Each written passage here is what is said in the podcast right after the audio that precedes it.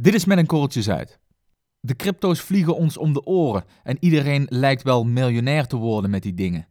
Helaas hebben wij, en jij waarschijnlijk ook, de boot gemist en zitten we jammerend naar de alsmaar stijgende grafieken te staren. Betalen we over 10 jaar allemaal met Bitcoin? In deze aflevering gaan wij in discussie over de toekomst van dit rare fenomeen. Vandaag in korreltje Zuid.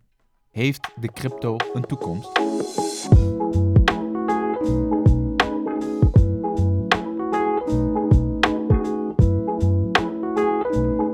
Dit is Met een korreltje Zuid. De podcast waarin Auke en Max je wekelijks bijpraten over internationale actualiteiten en geopolitieke uithoeken. Twee heren zonder blad voor de mond met scherpe en minder scherpe analyses. En oh ja, je luistert naar twee vers uit de universiteit gerolde politicologen.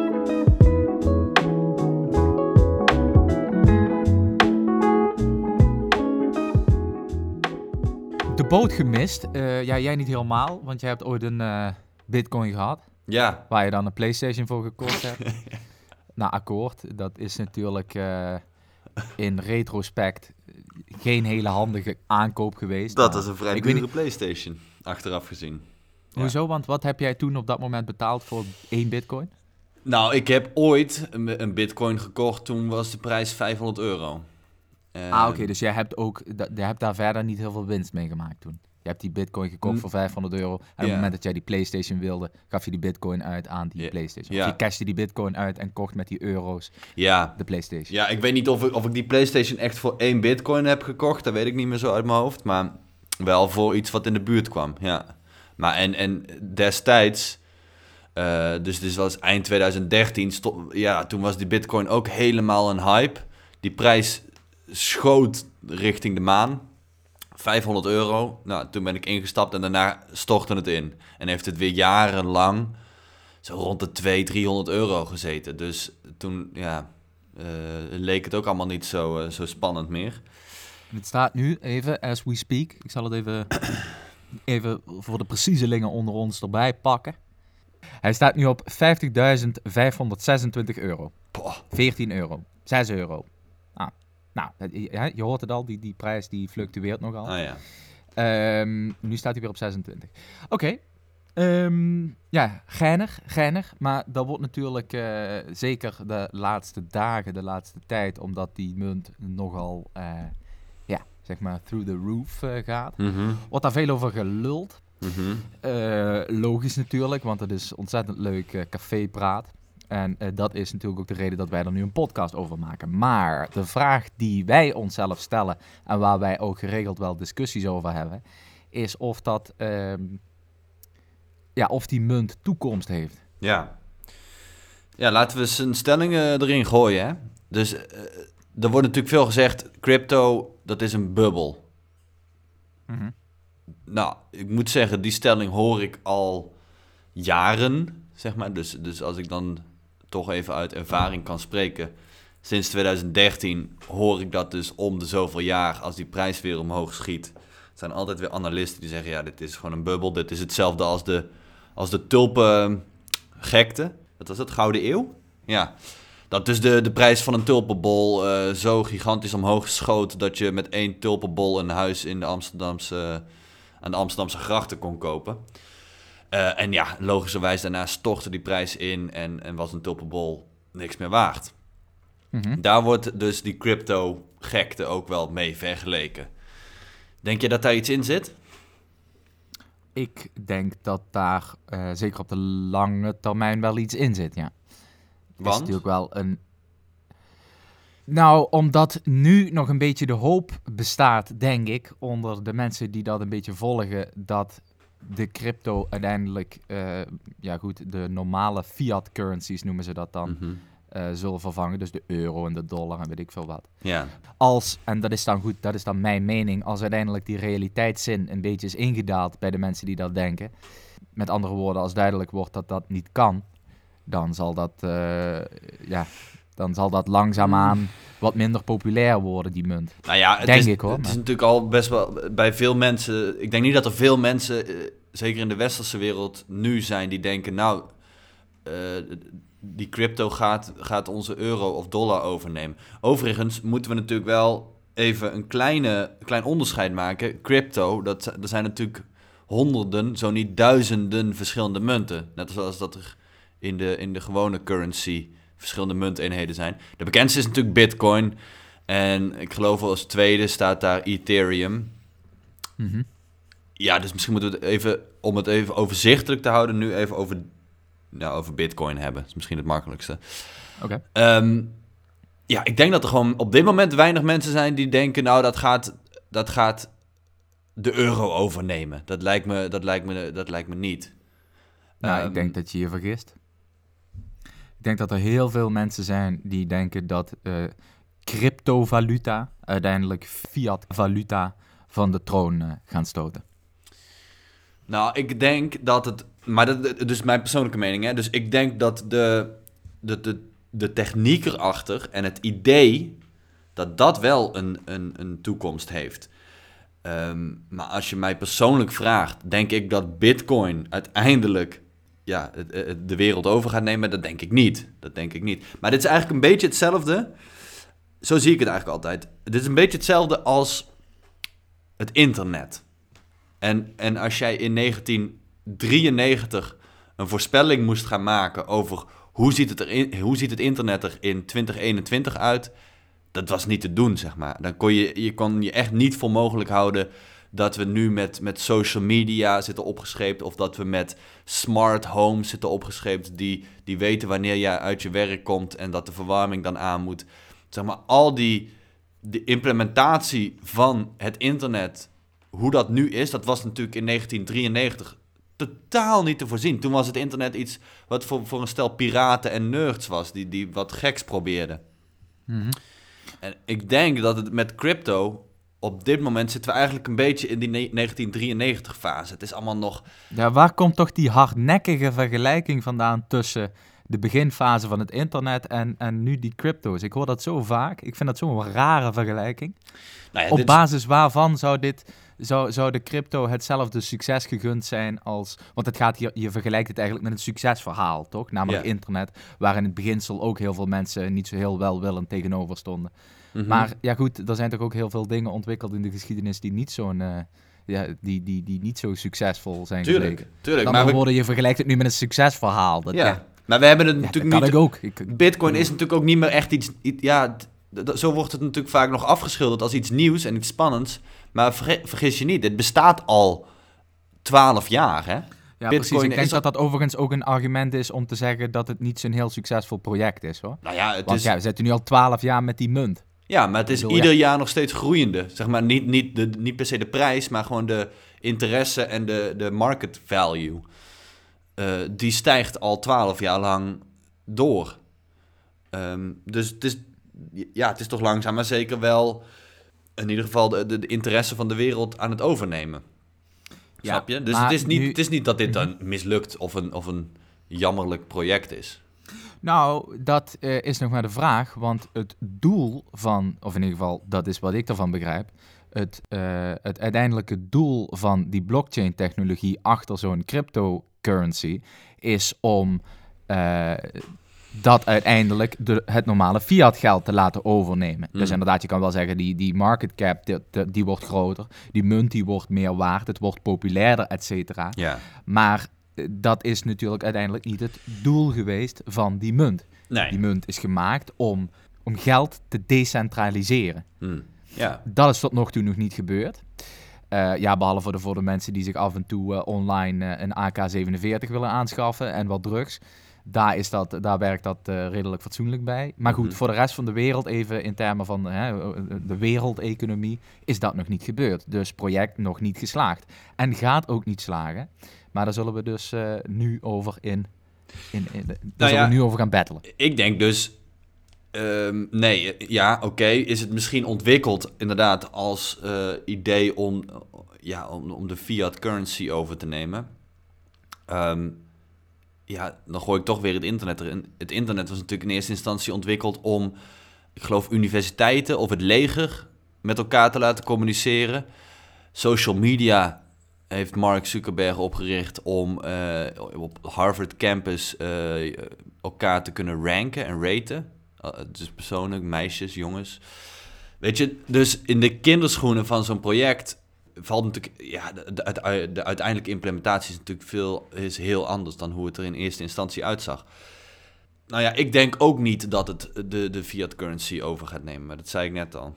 Maar jij denkt dus dat het, dat het uiteindelijk een jammerlijke dood gaat sterven, of, of, of zie ik dat verkeerd? Nou ja, goed. Laten we het even uh, proberen duidelijk te schetsen. Die crypto, dat is nu, dat zou je in de hoedanigheid zoals het er nu bij ligt, kunnen vergelijken met goud. Ja. Uh, en dan is de crypto ja, nog minder waardevol dan goud, want je kan met goud nog chips maken of zo, ik zeg maar wat. Een, kroon zetten of ringetjes maken of zo. Mm -hmm. Het heeft nog enigszins uh, een soort uh, fysieke waarde ook. Het is echt een product. Um, maar uiteindelijk wordt goud gekocht om dat gewoon vast te houden. En uh, ja, als een soort investering. Hopelijk wordt het wat meer waard. Maar in ieder geval, uh, je zet je geld weg in goud. Nou, er zijn er op dit moment ook heel veel mensen die hun geld wegzetten. Of in ieder geval een gedeelte van hun geld wegzetten in crypto uh, munten. Ja, met als hoop dat die munt meer waard wordt uiteindelijk. Maar zelf met die munt zelf kun je niks. Dat, dat, dat is niet iets... Je kan het niet eten, je kan het niet roken en je kan er niet op slapen. Dus je kan er niks mee. Mm -hmm. En dat doen de meeste mensen, of ja, tenminste, ik ga ervan uit dat, de, dat er eigenlijk twee redenen zijn waarom je dat uh, zou doen. Eén, je denkt snel te kunnen cashen. Nou goed, daar ben ik zelf ook uh, onderdeel van en van geweest. Hè. Gewoon zo'n muntje kopen, kijken wat het doet, later wegstoten. Maar dat kun je net zo goed doen bij Holland Casino of in de Fairplay. Um, of op een kermis. Dus dat, dat, is niet zo, dat is natuurlijk geen serieuze investering. Um, en twee, je kan denken, nou goed, uh, uiteindelijk zal uh, deze, deze munt het systeem overnemen. Uh, om heel veel verschillende redenen. En daarom wil ik nu alvast investeren in zo'n munt, want Mhm. hè, dan ben ik er straks eh, bij. Ja. Ehm, maar ik denk dat op het moment dat iedereen, en niet alleen eh, mensen met eh, verstand ervan, dat eh, op het moment dat iedereen erachter komt, dat de wereld erachter komt, dat je dus eh, ja, niet fatsoenlijk een internationale economie kunt organiseren zonder centrale autoriteit. Mhm. In het geval van Europa is dat een Europese centrale bank, maar goed, zo heb je er nogal een aantal. Ehm, als dat besef indaalt, ja, dan, dan, dan wordt het natuurlijk minder interessant om die munt aan te houden. Dan is het echt alleen nog maar een, Een lucht, Ja, een soort- bel. ja, een luchtbel. Ja. En dan kun je ook, ik zeg niet dat je er geen geld mee kunt verdienen. Ik zeg niet dat je er niet heel veel geld mee kunt verdienen, maar dan is het in ieder geval een deel van zijn doel kwijt. Ja, maar wacht.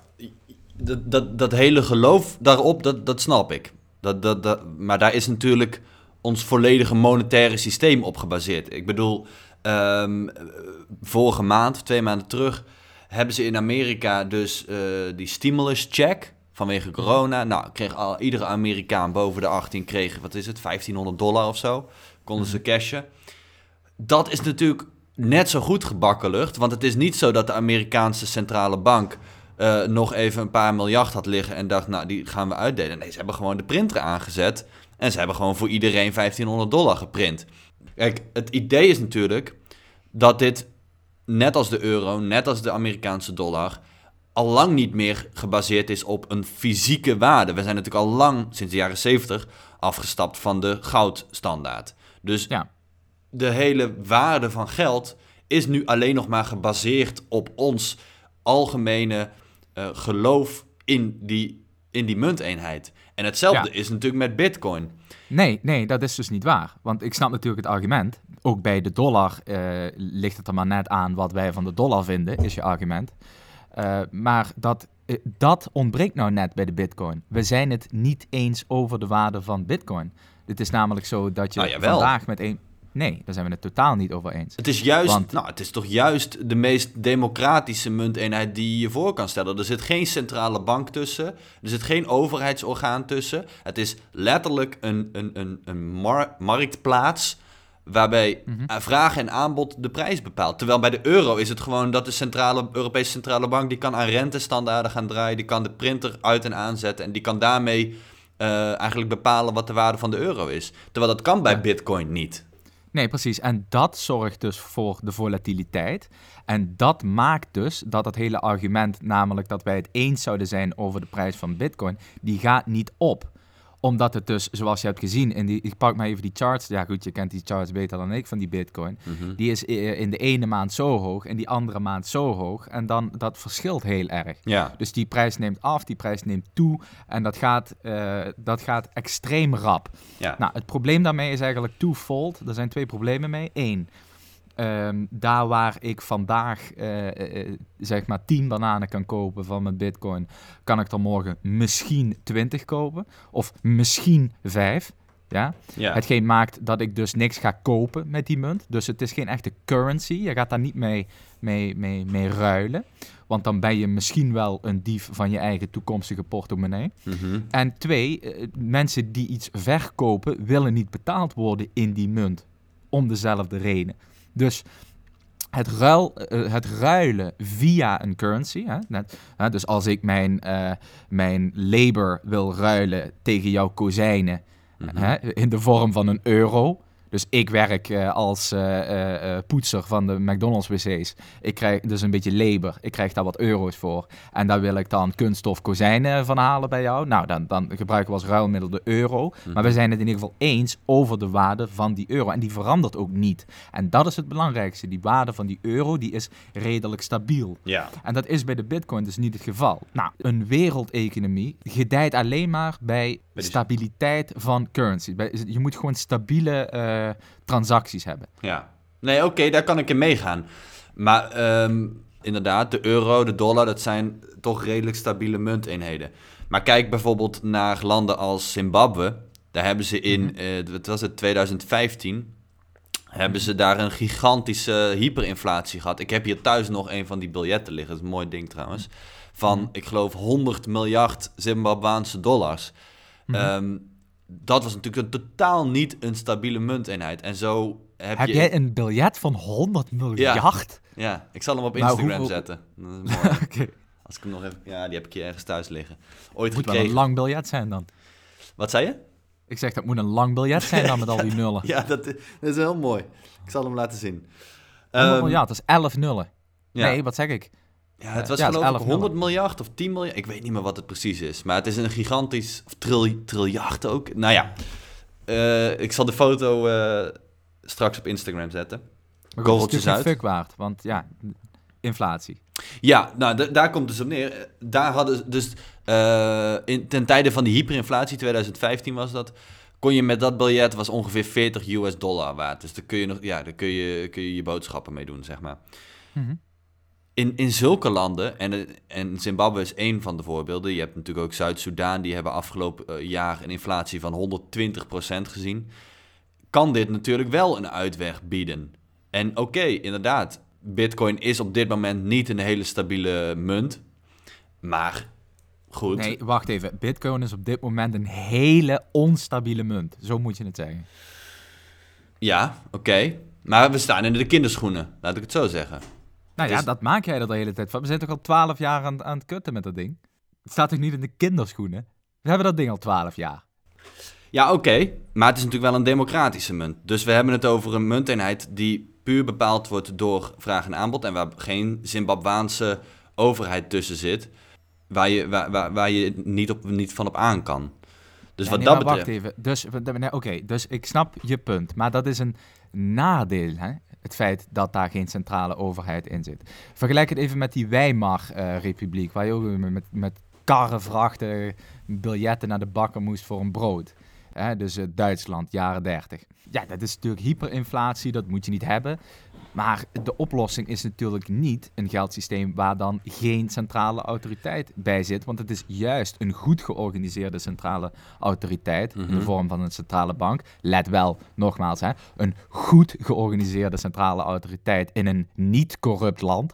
Die eigenlijk de- als enige echt invloed kan uitoefenen op de stabiliteit van zo'n currency. Ik bedoel, Er zijn nog wat, wat andere dingetjes natuurlijk Mhm. die daar invloed op hebben. Eh, met andere woorden, ehm, het feit dat het in Zimbabwe niet fatsoenlijk werkt, dat hun eh, currency niet stabiel is en dat waarschijnlijk de eh, centrale autoriteiten die dat moeten aansturen in Zimbabwe ook ja, niet echt kaas ervan gegeten hebben. Mhm. Eh, dat betekent niet dat het hele concept centraal bankieren niet functioneert, want dat functioneert ja, tot nog toe eh, redelijk. Zeker in onze, eh, eh, ja. Ja. zeker in de westerse wereld. Oké, maar ik, ik, nou goed, de, oké, kan ik in meegaan. Maar ik zie wel voor, zeker voor Afrika, zitten natuurlijk gigantische voordelen aan de toegang tot cryptocurrency. Want als jij nu ehm, als Nederlander zaken wil doen met, zeg, Nigeria of Sierra Leone, dat is natuurlijk praktisch onmogelijk. Dat is bijna niet te doen. Gewoon omdat het bankaire systeem het, het, is zo gesloten dat daar, daar kun je amper geld gaan investeren. Eh, en, en andersom is het voor, eh, voor mensen uit die landen natuurlijk gigantisch moeilijk om toegang te krijgen tot het internationale monetaire systeem. Nou, voor, voor, voor zulke eh, mensen is het natuurlijk een positieve ontwikkeling dat je, als jij een, een, een smartphone hebt en een internetverbinding, je toegang hebt tot een internationaal monetair sy- systeem. En daar Mhm. denk ik dat er wel, eh, dat er, dat er wel een toekomst ligt. Ja, nee, dat snap ik. Maar wat ik, mijn argument is, de wereldeconomie draait natuurlijk niet op Zimbabwe en Togo en, en, en Benin. Het gaat natuurlijk, eh, die, die bitcoin die kan pas echt eh, zijn, zijn eigen doel als het ware gaan bereiken als je het kunt vergelijken met de dollar of met, eh, met de euro dan als Hmm. tweede currency. Hm. Snap je, Dit moet wel echt de new world currency worden. Want ja, je kan wel wat in de marge blijven zitten, maar goed... In Afghanistan zullen ze ook soms kilo's zout en rijst als currency hanteren. Maar dat maakt natuurlijk niet. Dat maakt het nog geen succesverhaal, kilo's zout en rijst. En dan is er nog een nadeel, namelijk die transacties die zijn anoniem. Hè, dus in principe als ik, wat, eh, als ik mijn labor eh, met jouw eh, kozijnen wil verruilen en dat gaat via euro's, dan sluit mijn bank in principe een contract af met jouw bank. En dan, dan regelen we dat zo. Dat is allemaal op naam en toenaam en wat ik dan heb gekocht en waarom en hoe vaak. En, nou, dat geldt voor alle transacties die op deze wereld gebeuren. Maar dat geldt dus niet voor die crypto-transacties. Omdat dat anoniem het- is. Dat werkt natuurlijk wel loesje transacties in de hand. Hm. Er zijn verschillende onderzoeken die worden daarna gedaan. Het blijkt wel dat, eh, dat ja, je, je kent zelf natuurlijk nog die, hoe heet die website nou? De Silk Road. Mhm. Ja. Waar dan eh, van alles en nog wat op verkocht werd dat eh, ja, het daglicht niet kon verdragen. Mhm. Dat werd ook gekocht en verkocht met als ruilmiddel bitcoin Ja. of andere crypto's. Ja. En eh, dat is iets wat je, ja goed, daar worden we als mensheid natuurlijk niet beter van. Als een willekeurige Piet Snot een AK-47 aan kan schaffen met Ja. een crypto. Ja, is wel handig als er een controlerende autoriteit op zit natuurlijk. Nee, maar ho, dit, nou, dan ga ik toch weer de ver- vergelijking trekken met, met internet. Ja, maar doe dat nou niet. Jawel, dat is een want het is Ja, wel... waar- nee, waarom? nee, nee, luister. Het internet is natuurlijk hetzelfde. Het is precies hetzelfde voorbeeld. Als je dus het internet eh, ontwikkelt en je ziet dat voor je... Ja, dan kan het internet gebruikt worden om kinderporno op te zoeken en te, verspreiden. Ja, moeten we daarom dan maar het internet verbieden of afsluiten? Of, of is daarmee dan eh, de waarde van het internet in één keer eh, vergeven? En, en, en, en is dat dan iets slechts? Nee, dat lijkt me niet. Ja, er gebeuren ook slechte dingen op het internet. Hetzelfde gebeurt met crypto. Maar hetzelfde gebeurt toch ook met euro's? Daar wordt er ook drugs mee gekocht. Er wordt er ook eh, van alles slechts mee gedaan. Wapens mee verhandeld. Dus dat is meer een gevolg van eh, een ontwikkeling. In plaats van dat dat inherent de waarde van een, een, een, een cryptocurrency onderuit haalt. Eh, nou, ik denk dat dat wel een heel significant, eh, een hele significante reden is voor een autoriteit. Ik noem een overheid om te zeggen, eh, als wij daar geen zicht op hebben, dan doen we het niet. Ja, En dat, dat, die, zeg maar, dat soort overwegingen, die zijn natuurlijk, ehm, ja, die liggen ten grondslag aan het eventuele succes van zo'n munt. Mhm. Het gaat hier natuurlijk uiteindelijk wel over de doorvoerbaarheid van een cryptocurrency. Mhm. Snap je? Kun je dat invoeren? Kun je dat doorvoeren? Mhm. Kunnen we daar straks mee betalen? En als nou blijkt dat dat niet kan, omdat er dan geen zicht meer is op wie wat koopt, van wie, met welke reden, hoe vaak en voor welke bedragen, Mhm. ja, dan doet dat toch af aan de, eh, aan de effectiviteit van zo'n munt. En misschien nog wel het belangrijkste argument, wat we niet moeten vergeten, is dat eh, het mijnen van die bitcoin, dus die, die mining farms met al die computers die eh, onder water staan, je kent die plaatjes wel, die dus die, die, die code moeten opwekken om zo'n bitcoin eh, te maken als het ware, dat kost bizar veel energie, hè? Dus eh, er zijn schattingen die zeggen dat één jaar aan bitcoin mining evenveel energie kost als de hele economie van Argentinië een jaar laten draaien. En er zijn zelfs schattingen die zeggen dat ehm, het minen van bitcoin uh, evenveel energie gaat verbruiken als dat bijvoorbeeld de moderne e democratie Italië verbruikt. En ja, in een, in een tijd waarin we toch met z'n allen proberen duurzaam uh, energie op te wekken. We doen er alles aan om geen energie te verspillen en om het zo duurzaam mogelijk op te wekken. Is het natuurlijk heel raar dat we, een, dat we zo'n bizarre hoeveelheden aan elektriciteit gaan verkwanselen aan een munt die in principe nog helemaal niks oplevert in uh, reële termen. Behalve dan dat het een fantastische uh, vrije tijdsbesteding is voor uh, jongens en meisjes die heel lang naar computerschermen, flikkerende getalletjes en een aantal grafiekjes willen kijken. Maar goed, in reële zin levert deze munt ons nog niks op, behalve een hoop problemen.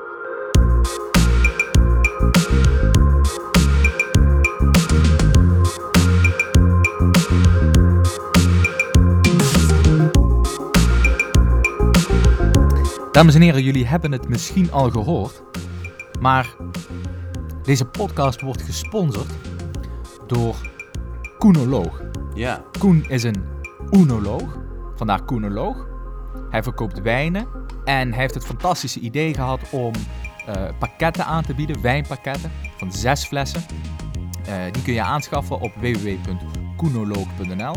Die stelt hij als specialist samen. Auke en ik uh, hebben daar al van mogen genieten. Dat is een fantastische samenstelling. Ja, jij hebt een paar van die flessen op.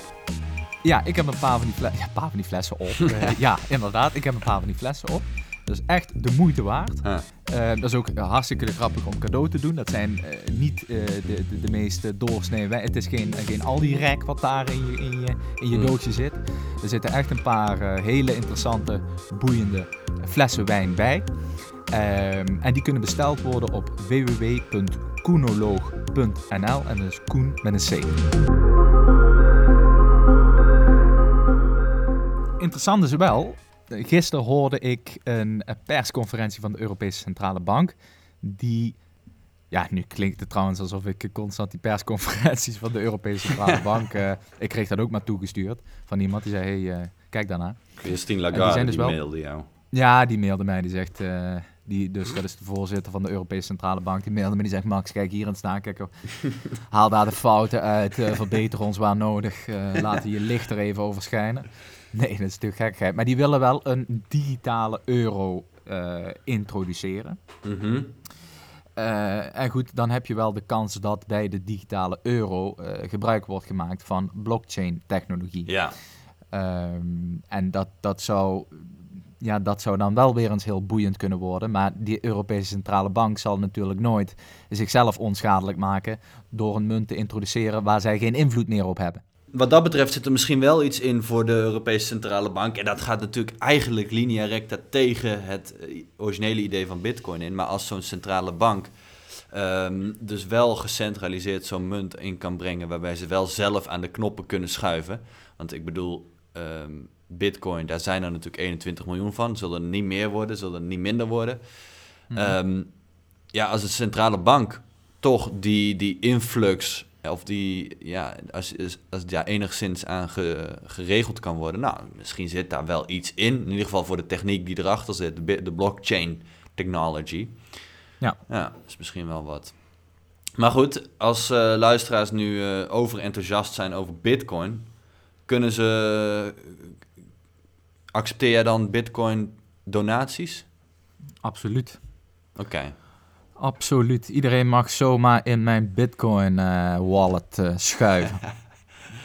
Oké, okay, nou, ik zal een uh, Bitcoin wallet adres in de beschrijving zetten. En als er nou een luisteraar is die denkt, nou, we hebben wel, ik heb wel wat over voor die knapen, dan mag dat daarheen. Oké. Okay. Nou, ik ben als hartstikke benieuwd. Volgende week hakken we weer een nieuw onderwerp door midden.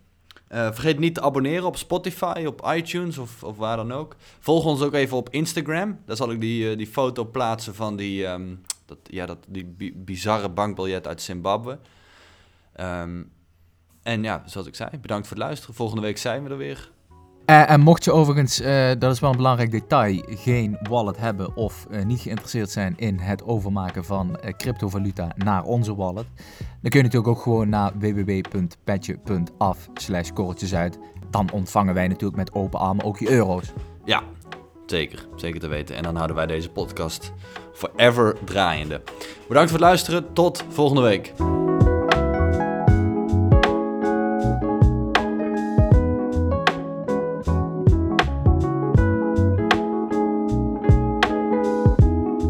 Deze podcast werd gepresenteerd door Max Severijns en door mij, Auke Roos.